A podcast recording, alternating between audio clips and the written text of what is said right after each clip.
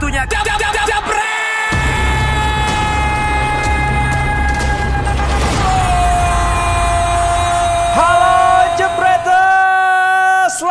Malam semuanya. Langsung malam hari ini dari Stadion DPI Pancoran. Dan di ujung sebelah kiri saya ada Coach Justin dan ujung tombak di sebelah kanan ada Sabto Haryo. Malam hari ini mereka akan berduet. Malam hari itu menjebol gawang kalian yang di rumah untuk membuat kalian melek malam hari ini. Langsung di stadion. Lu itu host bola, bukan Oh iya iya iya. Maaf ya coach ya Mas Haryo juga. Selamat malam. Gimana kabarnya guys? Host bola kita juga gitu kayaknya. Iya iyalah. Host bola kita lagi belajar apa itu e-sport. Masa kita nggak boleh belajar tinju? Oke, ini ada dua fans Barcelona malam hari ini. Saya Tapi fans Milan. bahas Barcelona. Saya, so- Ya, sorry, saya fans. Milan ya. Eh, sedikit-sedikit Barcelona. Tapi yang jelas malam hari ini kita eh, tidak akan membahas Barcelona. Tapi Kita akan membahas salah satu eh, ini salah satu eh, apa? Apa? klubnya Coach Jasin yang favorit. Tapi kita mau doakan semoga eh, salah satu owner kita, bos kita di DPI Dewan Parti Indonesia. Oh iya, dia nggak datang ya? Yes, yes. Lagi- Bang Jebret, yes, lagi uh, menunggu. tadi cocok lo bawain gitu. Halo Jabreters, itu kayak lagi party itu lo Iya, cocok. lagi lo. berarti ya. Oke. Jangan Lagi- lupa vote, lagi dia berdoa. masih bisa nggak? Oh, udah nggak bisa lagi ya? Apa itu? Oh bisa, bisa, bisa. bisa, bisa. Siapa tahu eh, juri itu berubah pikiran gitu kan untuk memenangkan dan tahu kita juga kalau lu berangkat. vote, ada kemungkinan besar lu bisa ke Inggris dikirim. Amin. Tapi vote dulu. Tapi benar Orang tuh. udah tutup minggu lalu. oh gitu. Pas banget nih ngomongin apa ke Inggris. Jadi buat kalian para jebreters yang ingin ke Inggris, jadi DPI akan eh, memilih ya nanti kalian buat jebret stadion. Jadi silakan eh, ini syaratnya yang memenuhi persyaratan tuh lihat tuh ada sistem klasmen juga kemudian memposting video dapat poinnya satu kemudian eh, merekomendasikan temannya untuk follow eh, Instagram eh, DPI jebret media ya itu mendapatkan poin dua kemudian dan Rohani. Jadi kalau nggak dipenuhi bisa ya. itu, ya. Terutama untuk fans MU. Nah yang penting dapat 3 poin ya, yang dapat 3 poin nanti referensi orang untuk subscribe Jebret Media kita fokus ya semoga sampai akhir tahun dapat 100 ribu. Oh, wow. ayo para Jebreters langsung follow dan habis itu kita mendapatkan Kalau 100 ribu, Hah? ada tiga orang yang berangkat. tiga orang yang berangkat betul. Kalau udah 100 Tuh, ajak temen-temennya tuh. Oke setuju ya. Tapi semalam kan eh, timnya Coach Justin kalah nih. Yang gua agak bingung tuh kan sebetulnya ya kalau kita runut dari musim kemarin, kan sebetulnya materi yang sama, bahkan ditambah eh, pemain baru kan, PP eh, masuk ke situ. Terus tapi kalau kita lihat dari musim kemarin, jika Puji yang didatangkan ke Emery, eh, karena dia juga bisa nyam, Betul. ngantar Arsenal sampai ke final Liga Eropa, walaupun akhirnya mereka kalah, sebetulnya kan materinya justru bagus dan membaik kan di, di, di Iya, musim ini gitu. iya, betul. Yang gue yang gue bingungin kenapa dia nggak bisa berjalan gitu loh di di Nggak di bawah Emery, nggak di bawah betul. Iya, Ber- maksudnya berarti- kan yang sepanjang musim awalnya kan di bawah Emery kan. Kalau meneruskan dari musim kemarin, logikanya kan harusnya Harusnya membaik. Harusnya membaik gitu. It- itu secara garis besar. Iya. Gue setuju. Gue, Harusnya setuju. membaik, Ya, setuju. Harusnya membaik. Terus kita lihat lagi sebenarnya apa yang terjadi. Nah. Kemarin mereka itu bener- bener-bener berapa menit di babak pertama itu parkir bis sampai Auba segala itu semua turun. Hmm. Dan karena cara defense-nya salah, terjadi banyak space di mana gampang dilewatin dengan wall pass. Cara defense yang salah atau pemain Ca- defense yang error? Cara defense-nya salah. Oke. Zaman sekarang lu tidak bisa defense hanya zona atau hanya man to man. Harus ada gabungan antara man to man dan zona dan tiap kali harus ada yang nge-backup. Hmm. Ngerti nggak? Tergantung jarak sejauh mana pun deket area penalti. Tapi- kalau ja- kalau jarak tidak terlalu deket penalti nggak apa-apa, lu bisa geprek-geprek. Kasarnya kalau lu dilewatin Oke. masih ada yang cover lah, ngerti nggak? Tapi kalau dilihat dari eh, komposisi pemain ya di, di pe- di empat belakang itu itu itu, itu ter- termasuk ideal. Ada David Luiz di situ. ada ada Bellerin juga. Bukan ideal, nggak. ka- kalau ideal itu kan di atas kertas. Kemarin si Kolasinac main, Yes. bukan Tierney. Tierney lebih Tapi kalau itu gue paham dari Ljungberg karena match sebelumnya Tierney bikin kesalahan, oke, dikasih kesempatan Kolasinac. Bellerin yang harusnya main bagus, hancur kemarin mainnya. Nah, Luis dan Socrates ya kita tahu sendirilah kualitas mereka. Luis bukan Luis yang kita kenal zaman Chelsea, nger- ngerti nggak?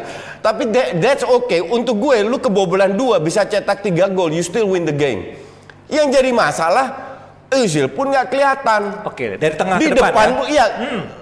Kemarin kebobolan dua gol, tapi cet, cet- gol ketiga, gol kedua dan ketiga itu nggak dapet dan golnya si Lacazette itu kalau gue bilang faktor luck juga. Jadi kemarin layak banget kalah. Yang yang kesel kemarin kan bahkan Ozil ya. Yes. Ozil juga kesel gitu. Lu sama Lacazette. Lu ngasih gue berapa gua kasih lo umpan bagus berapa kali tapi nggak bisa lo La, manfaatin. Lacazette juga Lacazette jelek, Aube juga hancur. kan Betul, si- si betul.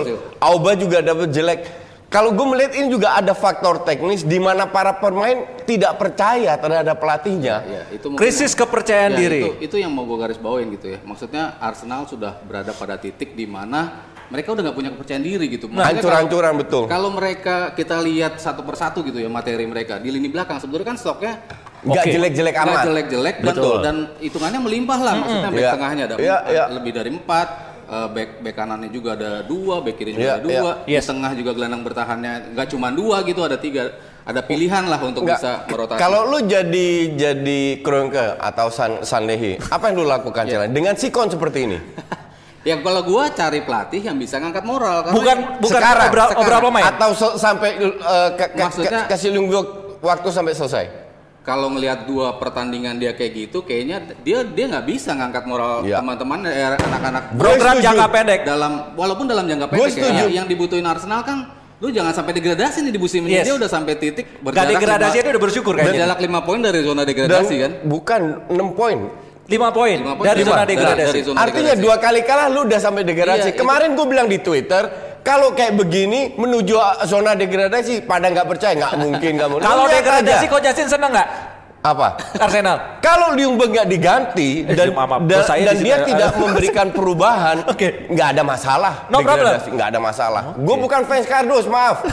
Jadi untuk gue menangkal nggak penting. Kalau lo emang mau ingin su- survive, lo harus main bagus karena kualitas kita miliki Sesuai gitu. kenyataan Ma- mas- berarti ya. masalah Arsenal kan kalau dirunut ke belakang tuh ya kalau lu kan selalu menyebut Kroenke masalahnya gitu ya. Hmm. Karena karena memang dia tidak tinggal di Inggris gitu kan jadi jaraknya terlalu Iya. jauh untuk untuk apa bisa langsung Dekat. cuman kan itu tidak tidak hanya Arsenal gitu. Hmm. Banyak klub Inggris lain yang kayak gitu. Liverpool misalnya. John Henry kan juga nggak di Liverpool Iya, kan. iya. Dia ada di Boston. Lalu eh, kita bicara Glazers. Glazers kan juga nggak ada di Betul. di, di Inggris. Beberapa beberapa pemilik klub itu tidak ada di situ cuman Cari-cari alasan ini fans Arsenal nih. somehow tuh mereka bisa connect dengan klub yang gitu klub-klub lain. Tapi kenapa Arsenal tidak bisa melakukan itu? Dan kalau begi- begitu jauh, lalu Arsenal sudah berada pada titik yang begitu nyaman ketika ada kesalahan yang dilakukan pemain itu nggak ada yang mengkoreksi. Nah. tidak ada pema- tidak ada petinggi klub yang minta tanggung jawab. Lu kenapa main kayak gini? Lu kenapa nggak ada kemajuan seperti ini? Nah, udah berada dalam titik seperti itu sehingga main jelek pun eh, dianggap sebagai hal yang wajar, nggak ada yang bakal Nggak. kita, nggak ada yang bakal Apa, apa kita. nggak ada pemain booster? Ada sosok kapten nggak ada di Bentar, bentar. Eh, di sebuah Arsenal? Nggak ada. Gue sih tidak begitu setuju kalau Haryo bilang masalah manajemen ya, karena gue bilang sudah ada perubahan dengan masuknya Sudah ada peruba- ya, perubahan? Dengan masuknya Sanli sudah ada perubahan. Contoh, Maksudnya kemarin mereka ngambil Mislintat di- disuruh cabut ya, juga gitu bentar, kan. bentar, oke. Ramsey kenapa cabut? Mis, mis, Mislintat kan cabut karena eh, clash dengan Emery, oke? Oke. Tapi kalau kita kita clear berpikir tanpa lihat menang kalah, Sanley itu udah, udah mem- membuat banyak perubahan. Contoh, sebelum-sebelumnya Kroenke kan pelit banget, ya kan? Nah, dengan ma- masuknya Sanley, mereka bisa keluarkan 200-300 gede, ju- ju- juta loh. Tapi Nah, hasilnya? Ini, ini bentar dulu Niko. Iya. Yang penting Ini- mereka mau ngeluarin duit dulu Iya, nih. iya. Ini mereka enggak. mau mereka mau keluarkan duit dulu. Ini adalah sebuah perubahan. Terus kedua perubahannya, mereka tidak menunggu berlarut-larut memberikan Emery kesempatan dan di awal musim ternyata jeblok, dipecat. Untuk gue itu keputusan yang udah benar. Oke. Ketiga, mereka tidak terlalu buru-buru untuk menunjuk si uh, Pelatih pelatih, tetap. baru dengan menunjuk dulu Liungberg sebagai caretaker, Caretaker. sementara. Oke. Nah, dua match ini kan memang waktunya sangat Pendek. Apalagi pendek. ada midweek ya. Iya, Ah. karena midweek. Jadi seolah-olah manajemen tidak melakukan apa-apa. Sebagai fans Arsenal, makanya gue bilang tetap Liungberg butuh waktu Adaptasi. untuk makanya gue kasih lima pertandingan. Tapi seperti yang Hario bilang, gue juga tidak yakin ini akan berubah. Ngerti nggak? Iya bawanya Nah, masih Emery. Jadi kalau gue bilang bukan masalahnya, cuman sekarang kita lihat lagi pada saat Liungberg tidak membuat sebuah perubahan, Sanley harus turun tangan dengan menunjuk pelatih Oke. At least kalau kalau nggak pelatih jangka panjang, kalau seandainya seandainya kita berandai-andai dia mengincar Nagelsmann, Nagelsmann sudah stuck di Re- Red Bull kan, Oke. ambil pelatih senior sampai akhir musim lah. Tapi bukan Ljungberg dan keempat gue gue tidak setuju dengan namanya mantan pemain. Lu- Bukan mantan pelatih ya? Bukan Arsene Wenger, Bukan. sebenarnya. Ma- mantan pemain yang jadi pelatih. Mantan Contoh paling bagus Ah, yang nih tim gua. tim lu. Banyak tuh mantan pemain AC Milan itu ancur-ancuran gara-gara mantan pemain yang jadi di direksi lah, di pelatih lah apa enggak perlu. Tapi pas Ancelotti kan bagus deh. dia. Hah? Ya. Itu beda. Mantan pemain Ancelotti bagus dia. Gue tidak bilang semuanya jelek, tapi ada kayak Pep bagus, Hmm. Lampard bagus, tapi itu kan segelintir. Rata-rata kan hancur. Eranya Ancelotti sama Inzaghi Gattuso tuh beda. Jadi lu harus disamain. ambil pelatih it doesn't matter mau mantan mau apa pokoknya pelatih bagus yang Iya, kalau bisa yang lebih. dari budaya lain bud orang luar Oke. yang masuk ke dalam Ya, jangan mungkin- orang itu itu lagi Mungkin ada ada dua ini ya, dua apa? Dua pendekatan gitu Hmm. ya. Kalau satu mantan pelatih cuman punya segudang pengalaman, segudang eh, taktik gitu kan satu gitu. Iya. Yang kedua, pelatih yang bisa ngangkat moral. Itu penting juga gitu kan. Penting hitungannya. Itu kan yang terjadi di eh, apa Chelsea. Kita bicara Lampard kan juga maksudnya CV-nya nggak panjang juga gitu kan. Cuman dia bisa dipandang Nah. sama pemain-pemainnya eh, pemain Emang kualitas pelatihnya lalu, aja yang buruk lalu lah. ya Pep Pep ya kita bicara kan dari tim junior juga. Lalu Zidane, Nah. Zidane kan juga dia nggak punya kualifikasi pelatih, cuman ya itu mentality yang tapi hal dibutuhkan kayak gitu kan bisa. tidak selalu bisa terjadi Ya makanya kalau Nah, gue kan lihat Liunberg kayaknya dia nggak punya memang dari sisi kualitas pelatih dia nggak punya, dari That- sisi mengangkat moral dia nggak punya juga. Why- kelihatan dalam Udah, bisnisnya. udah kasih lima pertandingan lagi, udah maka cukup dari ya. itu jangan Ujiannya lima nanti. pertandingan lagi tinggal tiga Oh, iya, dua iya. udah lewat Termasuk maka kemarin. dari itu next pelatihnya jangan mantan mantan lagi deh Iya, iya. pelatih yang Gak beneran enak, aja lah Yang Kalau berhubungan sama kalau mantan kalau tuh cocok.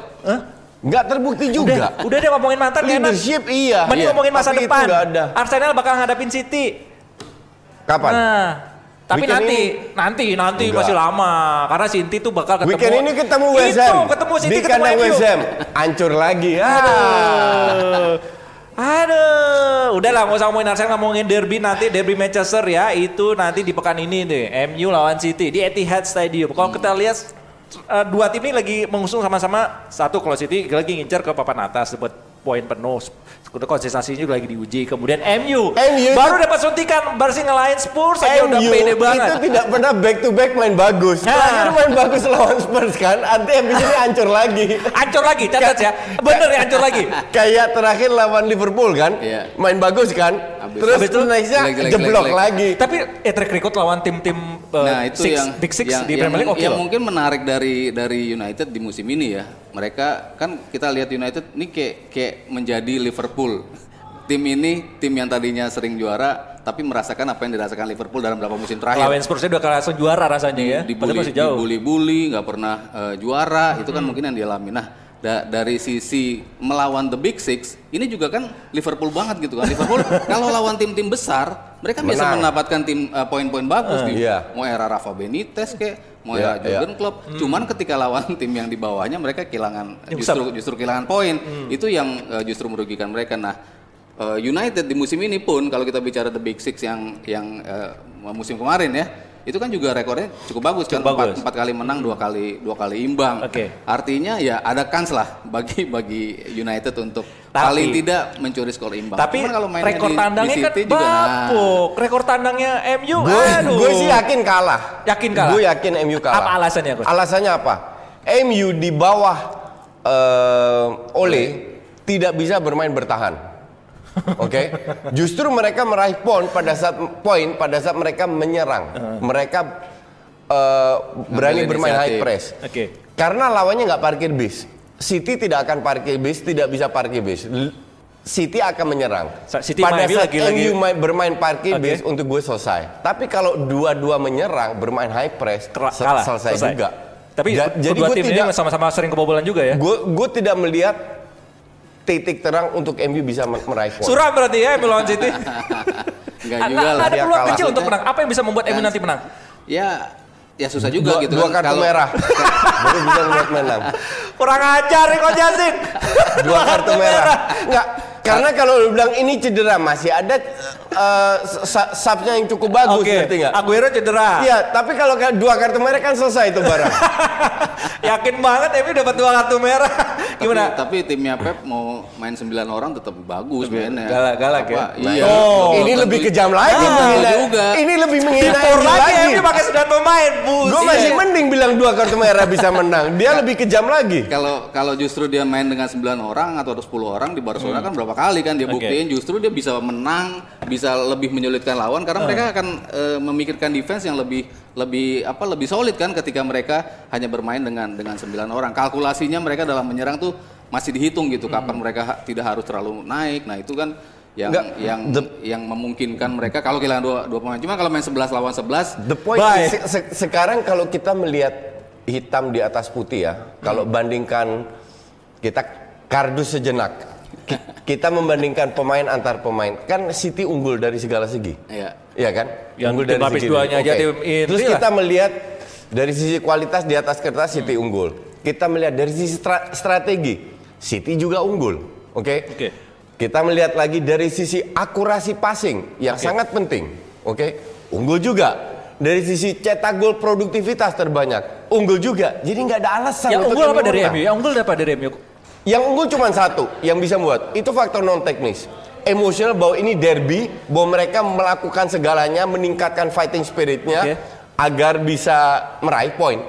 Yang unggul di situ doang. Itu doang. Teknis kalah dari segala segi. Tapi City kan lagi inkonsisten juga. Iya, ya, ya maksudnya Ini derby, Niko, beda. Si apa si Liverpool si City. eh, United kan membuktikan ketika lawan Liverpool kan mereka bisa tampil lebih bagus Tapi lebih di kandang. di kandang sendiri sih Nah, memang memang. beda. Ini Cuman tandang. Dari dari sisi apa faktor kejutan itu tetap aja bisa ada gitu Oke. kalau dari su- eh, sisi Liverpool apa MU. Lalu kemarin menang lawan Spurs kan juga dari sisi permainan bisa dibilang salah satu permainan yang oke lah. Bisa Iya, dibilang oke, yang- oke. Bisa dibilang yang terbaik. Bagus di bilang. musim ini kan. Babak pertama lagi, Iya, bagus mereka, banget. Mereka tampil tampil bagus. Jadi Tapi rasa lawannya juga Spurs, Mourinho, come on. Kemarin itu baru kelihatan, gue bilang di Twitter, orang kan puji-puji Mourinho, oh pelatih hebat, dari tiga match lawan tim menengah ke bawah, dua kali kebobolan terus. tiga Oke? kali, tiga kali Tiga kebobolan kali. dua gol terus. Tiga kali kebobolan dua gol terus. Walaupun endapnya menang kan. Walaupun enaknya menang, karena timnya juga menengah ke bawah. Kemarin ketemu MU yang mainnya juga, yang tim juga mediocre pada saat ini. Oke. MU beda. Ba- baru kelihatan Kagak baru kelihatan bahwa Mo ini pemain kat, pelatih katro. Katro. biasa aja nothing special dengan Mo Oke. Nih, ini ini uh, Manchester prediksi dulu deh kira-kira berapa skornya. Yang pasti di atas dua gol lah ya kayaknya nih. Karena rata-rata di pertandingan terakhir mereka nih sudah rajin mencetak dua gol juga nih. Iya, tapi kalau derby ada something special about derby selalu ya. Tipis. Ya tetap menang City sih kayaknya. Coach? Karena main di kandang City ya. Oke. Nggak ada imbang kayak gitu kok biar nyenengin fans Arsenal, fans MU dikit. City for sure ya kecuali ada penalti nggak jelas gitu gitulah Oke, tapi tapi yang jelas nih. Nah ini Apa? ada satu lagi masih di Premier League. Di bursa transfer Chelsea udah di bandnya udah dicabut. ya Oke. Di, di pangkas tengah ya. Di pangkas tengah. Kan tadinya dua transfer Ah, window. oke. Dua fase, dua transfer window. Terus? Tapi akhirnya eh, Mahkamah Arbitrase ya, C apa CAS, eh, Court Arbitrase of Sports Baru akhirnya setengah. setengah aja hukumannya. Jadi cuman cuman satu eh, apa transfer window. Jadi kemarin yang winter win, transfer itu sudah sudah di ban. Berarti di eh, apa summer transfer berarti nanti di winter Januari mereka boleh beli pemain. Boleh. Enggak, tapi Emang- the, emang- the point is sekarang Chelsea itu nggak kekurangan duit, Nah. oke? Bahkan sekarang mereka bisa punya duit cukup tanpa suntikan dari si Abramovich. Abramovich. Emang masih perlu beli pemain buat Chelsea? Perlu, Perlu kalau perlu perlu. Perlu. Cuman Oke. yang jadi masalah pemain siapa yang lo mau ambil di Januari, pemain besar ya, yang bisa memperkuat Chelsea. Gue sih nggak yakin Mungkin ada. Aryo punya Gua sih pandangan nggak yang yakin berbeda. ada. Di bulan Januari ini kira-kira pemain apa yang dibutuhkan oleh Chelsea? Eh, kalau lihat sih mungkin lini belakang dan lini depan ya. Kalau tengah gue rasa udah cukup solid ya. Maksudnya ada Kante di situ, Eh, ada Mason iya, di situ, betul. ada Jorginho di situ, ada Kovacic di situ. Tampil cukup solid kalau kita bicara Chelsea dari transisi At, bagus. at least pelapis lah. Iya, dan dan betul. dan depan William Kalau- sama kalau- itu kan ketuaan udah. sama Pedro. Gitu. Kalau dari belakang kan berapa kali dirotasi terus kan Zuma, Christiansen, Eh. eh, Rudiger, Iya. eh, berapa kali eh, muda-muda itu ternyata tidak tidak melulu bagus dari sisi pengalaman Berarti butuh kan. pemain senior. Banyak melakukan blunder. Ya mungkin satu back senior, gue rasa eh, cocok Gua- ya buat Chelsea. Gue juga setuju. Satu pemain sama, back sama senior. satu pemain depan. Karena Tammy Abraham kan kemarin juga depan sempat sama belakang, belakang. bukan pemain muda lagi. Mereka udah kebanyakan pemain muda, Oke. justru pemain senior yang bisa mengangkat, yang bisa jadi leader, terutama di belakang di center back. Itu gue juga. melihat miss-nya masih di situ. Kehilangan John Terry, kehilangan Gary Cahill, pemain-pemain seperti itu Iya, tuh. iya. David Luiz aja tuh, kan pemain senior juga. Balik Pernah lagi. Kampret. seneng kan kayaknya. David Luiz pergi dari Arsenal, ngurangin beban juga coach. Gak ada yang mau, dia mau udah. Kalau punya duit dia beli kuli Bali aja kalau punya Oke. duit. Nah, selanjutnya juga ada yang panas nih. Jadi jelang Inter versus Roma, media Itali menyebut Black Friday itu memasang foto Lukaku sama fotonya Serie A itu membangsat. Asli ya. Smalling ya. Itu itu Enggak, you, you cannot do that gitu loh. Iya, iya. Me- media itu kan punya etika gitu. sampai it- big blunder. itu korinya si media Italia sampai detik ini saya baca tidak Ya. meminta maaf. Itu Betul. sebagai Ka- kalau gue ngelihat gini ya, Ya. tiap negara itu kan punya karakter sendiri. Nah, Media di Indonesia, kalau gue bilang nggak semuanya, tapi ada beberapa yang suka kompor lah. oke. Fitnah, Kompor. Beda sama yang ini, ini iya. nggak sopan ini. Tapi kalau Ini kurang ajar ini. Kalau kompor fitnah untuk gue masih bisa diterima lah, Aha. oke? Karena mereka butuh follow pem- Iya. pembaca dan lain-lain, oke? itu untuk untuk gue sih masih oke. Tapi kalau ini kan bener-bener etika. Hmm. Mereka ngeles pula ya, memberi jawaban bahwa orang yang punya rasa dengki justru menganggap ini menginterpretasikan ini sebuah sebuah negatif lah ya. hal yang negatif. Kalau dari sisi itu memang mungkin ada benarnya, tapi tapi Tuh, ada benernya. Enggak, bentar. Let me finish. Oke. Tapi kita harus lihat sikon sepak bola di Itali yang sekarang yang akhir-akhir ini dilanda dengan rasisme. Tuh, lagi disorot Italia. Jadi tidak layak untuk mengeluarkan statement seperti ini. Kalau statement ini keluar di Amerika atau di apa mungkin nggak dianggap. Tapi ini keluar di masa-masa lagi rentan masalah rasisme dan yang faktanya itu FA-nya Itali terlalu soft. Mereka memberi memberi terhadap rasisme secara overall. ya. terhadap rasisme secara overall di Italia dan itu tidak diberi teguran oleh UEFA dan FIFA. Mereka cuma bilang, oh ya eh, hapus rasisme, bawa spanduk, fuck you lah, gue bilang. Diberi teguran Lu harus tapi beli, kecil No banget. action, talk Iya. only ya. Bener. kasih bener denda yang melakukan itu kasih denda let's say ya? dua puluh lima ribu euro, lima puluh ribu euro. Ini? Setiap home lapor ke kantor polisi dan itu dilakukan. Oke. Jadi mereka tidak bisa ke stadion. Ini nggak sama sekali. Dicabut Terla- dong. terla- terla- Sebagai- terlalu simple. Iya, gitu. Harus betul. sebagai Kalau- ini, Kalau gue bilang sih wartawan, lebih, lebih jurnalis. keras gitu karena karena rasisme di sana kan dihukum juga, dihukum 75 Hukumnya bercanda. Enggak maksud gua kalau soal duit itu dijalanin gitu li- 70 70 ribu gitu 75 Ke klubnya. ribu, ke klubnya gitu. Ke orangnya kan enggak. Ya ke, ke orangnya kalau ketahuan kan dia bisa di ban Iya. juga. Cuman kalau klub misalnya tindakannya mereka dikurangin poin. Oke. Mereka nggak boleh ikut kompetisi di musim depan. Nah, yang kayak gitu kan, itu kan pasti mikir dong. Mikir. Ketika ada ini- ada fansnya yang digituin kan pasti klubnya akan akan lebih protektif, bukan protektif, maksudnya justru lebih, eh, lu jangan kayak gitu, gila lu nanti kita bakal gini tuh hal-hal kayak gitu yang gua rasa tidak, Har- harusnya tidak- contoh Milan tidak sama dilakukan. Roma. Jadi memban itu media Corriere dello Iya, Sport. bagus tuh, sampai Januari kan? Sampai akhir ah ya Januari betul. Sampai Januari Corriere dello Bukan akhir musim ya? Enggak, akhir Januari sampai ya? akhir Januari. Harusnya seperti itu. Corriere nggak boleh masuk ke tempat latihan mereka. Nah. Pokoknya mereka tindakan keras lah sama kayak gitu. Ya, gua rasa Enggak, gue bilang bukan harusnya bukan tempat latihan. Enggak boleh masuk ke stadion juga. Diganti Iya kali dong. namanya. ya apa? ya pasti otomatis juga sih lah. Kalau Dan- kalau ke tempat latihan kan mereka lebih intimate kan, mereka Oke. bisa ngobrol. Dan itu harus dilakukan oleh oleh klub di seluruh dunia, di semua cabang olahraga. Oke. Harus melakukan itu terhadap media-media yang seperti itu di seluruh dunia ya. Apa pun pokoknya ada media yang mulai songong, mulai melanggar etika, harus. Oke. Enggak boykot aja. Oke, boykot. Oke. Kita setuju bertiga di sini kita harus anti rasis, kita harus mendukung namanya perbedaan. Tapi Oke. ya, tapi ya harus satu Itali begitu ya. Nah, nggak kalau di Itali ya. kan kan kan kemarin di Kita kan orang Indonesia, kita bukan orang Itali apa, gimana? Pas yang Lukaku yang sempat kena juga kan, Hmm, kasih betul. seperti itu kan dibilang, "Halo, ini ini kultur kita seperti ini, lu jangan anggap itu sebagai isu rasis." Ya nggak bisa. kan? Nggak bisa itu gitu itu itu tolol. itu Ini rasisme. ini kejadian berapa dua bulan yang lalu kalau nggak Iya. salah di Liga Belanda, Liga 2 ya, klub kecil. Kalau nggak salah pemain Excelsior yang dibuin, tahu apa yang terjadi? Pertandingan berhenti, oke? Berhenti sejenak, terus main lagi, diberhentiin sama wasit langsung. masuk ke ruang ganti, diberhentiin terus terus main lagi. Akhirnya yang klubnya si Rasis ini? pemain ini menang. Dia yang cetak gol, oke? Oh, bukan yang rasis. Itu satu satu Belanda Niko. Satu Belanda itu heboh dan satu Belanda semua melanggar, melarang semua. Dan ini juga Wijnaldum, Ronald Koeman mengatakan kalau ini terjadi dengan timnas Belanda nanti di Euro, seandainya terjadi mau itu final mau apa, kita akan keluar dari pertandingan.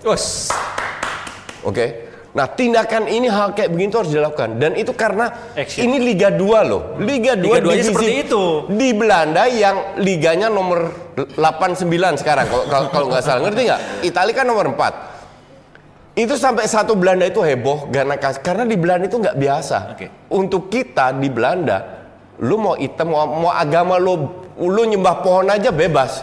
Tetap dihargai sebagai man- manusia. Nger- Ngerti nggak lu? Gue Iya. serius. Iya. Lu nyembah pohon, nyembah batu bebas. Kok jadi nyembah apa? Kok dari Belanda juga, lu tetap manusia. Nyembah portal. Aduh. Makanya yang kebanyakan minum soda begini nih, ya. Tapi nggak apa-apa. eh, saya setuju Ja- dengan jadi, nah yang terjadi di Belanda itu harus diikutin sama terutama Itali. Iya. Karena Iya. itu Karena Itali benar-benar kadang-kadang timnya dia sendiri nggak nggak sama pe- pendapatnya kayak Balotelli gitu kan. Iya. Balotelli diledekin, sama dia, presidennya pun juga dia mau itu. cabut dari lapangan ditahan sama teman-temannya Temannya. sendiri. Itu kan berarti mereka kan nggak nggak satu kompak, nggak satu visi suara, nggak gitu satu kan. frekuensi itu itu Sama- jangan sampai itu terjadi. Oke, rasis. kita balik lagi ngomongin Inter versus Roma. Ini ini satu punya misi yang berbeda, satu ingin bertahan dari kejaran Juventus, yang satu berjuang menembus tiga besar. Pokoknya cuma dua dari posisi Sombong empat. amat, baru naik sekali Nah itu itu Baru seminggu di atas. Inter ya. Weh, Forza Milan. Enggak, jadi kalau kalau kalau gue bilang sih Inter jelas berkembang dibanding musim-musim sebelumnya. Sangat sangat berkembang lah. Cuman lu juga harus lihat bahwa ini tetap Serie A yang kualitasnya tidak sebagus uh. La Liga, Bundesliga dan uh, Liga Inggris. Oke. Jadi nggak nggak usah terlalu sombong.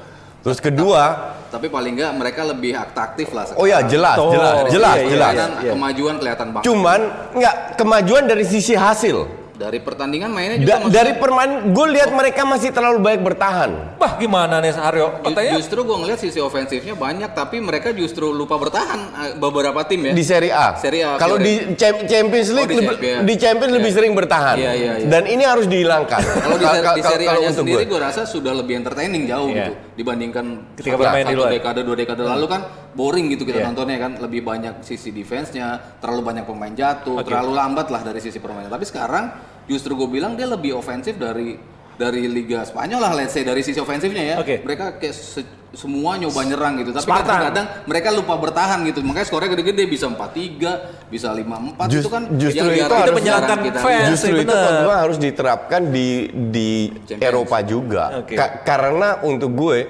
banyak contoh lah kalau pada saat lu bertahan lebih cenderung kebobolan lawan tim yang bagus dan Inter sehebat-hebatnya Inter mereka masih belum punya mental juara. Hmm. Maka dari itu untuk gue tahun ini Juve lagi juara. Walaupun Juve akan lagi. ketat. Ah ya. enggak, bosan. Loh, lu lu boleh bosen atau enggak, it, it, it doesn't matter. Tapi untuk gue, Juve memiliki segalanya untuk jadi juara lagi. Ya deh Juve daripada Inter ya benar, ini Juve sih. Materi, tapi tapi kan ini pertemuan Iya. pelatih pertama kali kan Inter sama Roma tapi eh, Conte mengatakan bahwa pelatih Roma ini siapa? Eh Siapa ya? Fonseca ya. Eh pokoknya mengatakan dia dia dia nggak bel- apa ya punya progresif yang cukup baik. Itu tuh tuh pelatihnya tuh, ya.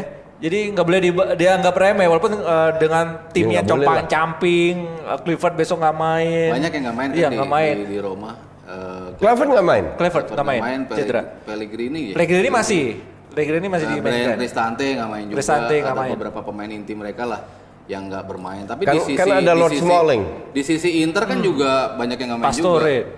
Eh, iya Pastore nggak main di Inter. Eh di Di Roma. Roma. Barella nggak main, Sensi nggak main. Tapi bisa meraih poin-poin di, bela- di, di, di beberapa laga Di terakhir. Inter juga banyak yang nggak main. Iya di Inter ada lima pemain yang nggak bisa main. Compang-camping lah kedua tapi, tim ini. Tapi ya itu kan gue lihat Inter di musim ini cukup sering melakukan rotasi kan. Nah. Maksudnya kadang-kadang uh, Gagliardini dimainin di kanan, kadang-kadang Sensi yang dimainin di situ. Hmm. Pergantiannya Barella masuk.